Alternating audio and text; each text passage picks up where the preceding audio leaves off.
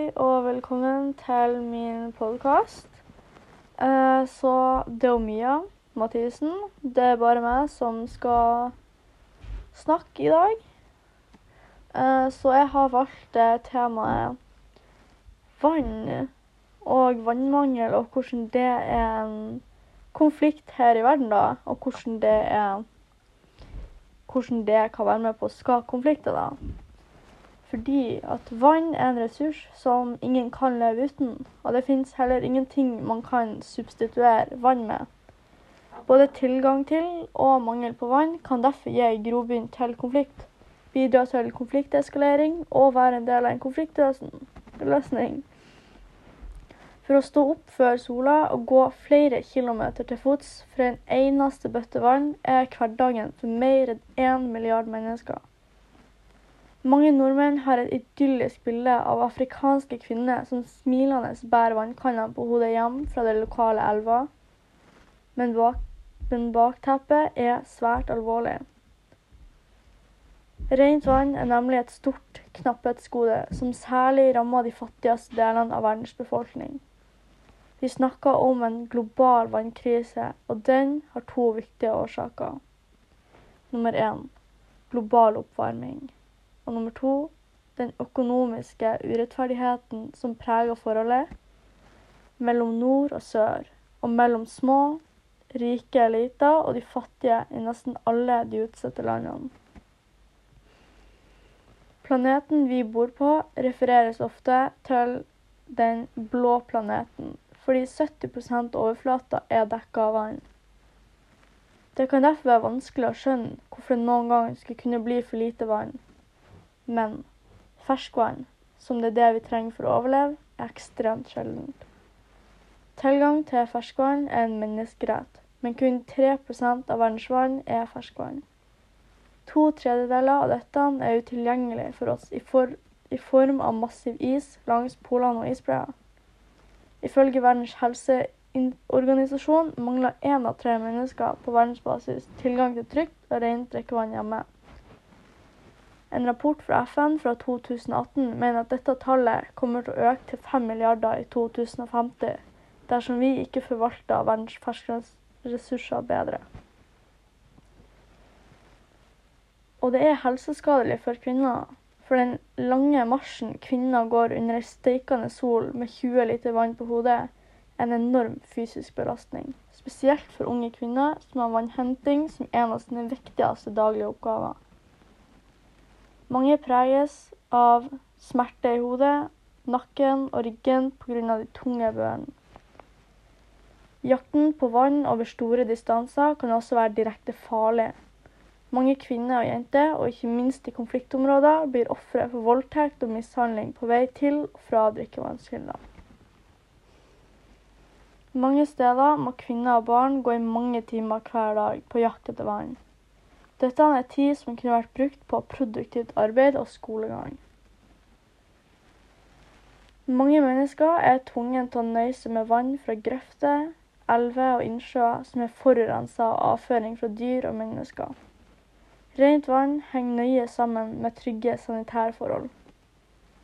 Dårlig hygiene og mangel på trygge sanitærforhold og rent vann bidrar til å spre alvorlige mage- og tarmsykdommer, som tar livet av mer enn 2,2 millioner mennesker hvert år. Og de fleste av dem er barn.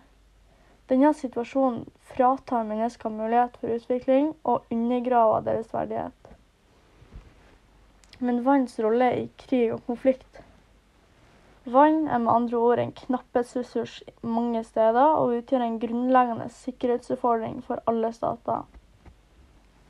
Vannressurser har derfor spilt en stor direkte og indirekte rolle både i historiske og nåværende konflikter.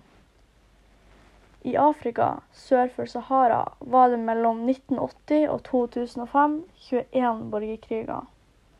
I 16 av disse var tilgang på vann en medvirkende årsak til konflikt og hovedårsaken i fem.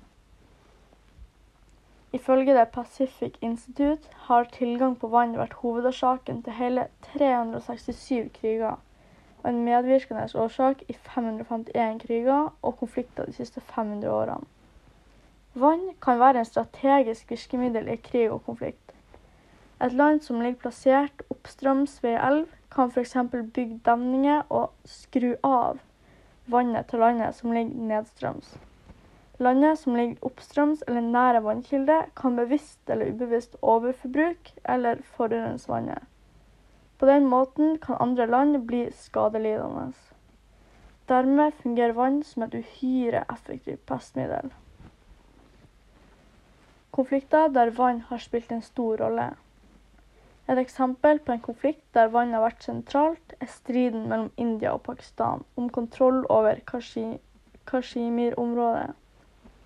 De to regionale stormaktene ønsker begge kontroll over Kashmir. En viktig årsak til dette er vannressursene som finnes der. Den, den viktigste ferskvannskilden inn til Pakistan og en av de viktigste til India, elven Indus, har sitt utspring i Kashmir. Den staten som til slutt får kontroll over Kashmir, vil dermed også ha mulighet til å stenge vanntilførselen til den andre staten. Dette kan vise å være et svært viktig mattemiddel i en av de tørreste og mest folkerike områdene. Ved å stenge vanntilførselen inn til Pakistan midt i såsesongen klarte India i 1948 å ødelegge store deler av det pakistanske jordbruket. Vannressurser kan også bli brukt til å sikre seg strategisk overtak og øke sårbarheten til motparten. Vannressursene kan derfor bli et mål for tilsiktede voldshandlinger, tyveri og sabotasje. Men vann i konfliktløsning Dersom stater har en felles interesse i en vannressurs, kan dette noen gang overskygge vannets iboende konfliktskapende karakter. Avtaler kan inngås, og disse viser ofte å være stabile på tross av forholdet mellom statene kan være problematisk på andre områder. Et godt eksempel på dette er fredsavtalen mellom Jordan og Israel fra 1994. Den har sørga for enighet om tilgang på vannressurser fra Jordaelven og grunnvannet i Wadi Araba. Eh, komiteen som overser implementeringen av denne avtalen, har vært med å bygge opp tillit mellom de to rivalene. Selv etter at forholdet i dem mellom ble forverra på 2000-tallet, fortsatte samarbeidet som sikra begge statene tilgang til vann. Men hva gjør vi med fremtida? Måten vi håndterer framtidige vannkriser på, vil være utslagsgivende for både verdiskapning og livsgrunnlaget for mennesker av verden. Vann, i tillegg til å være en livsviktig ressurs, har blitt en big business mange steder i verden. Forurensning og økt vannforbruk knytta til næringslivsinteresser er faktorer som kan bidra til å gjøre situasjonen enda mer prekær. De tekniske løsningene er langt på vei til stede. Utfordringen er derfor primært politisk. Et stabilt og godt styresett på internasjonalt, regionalt, nasjonalt og lokalt nivå, som sikrer god forvaltning av vannressursene, synes å være helt nødvendig.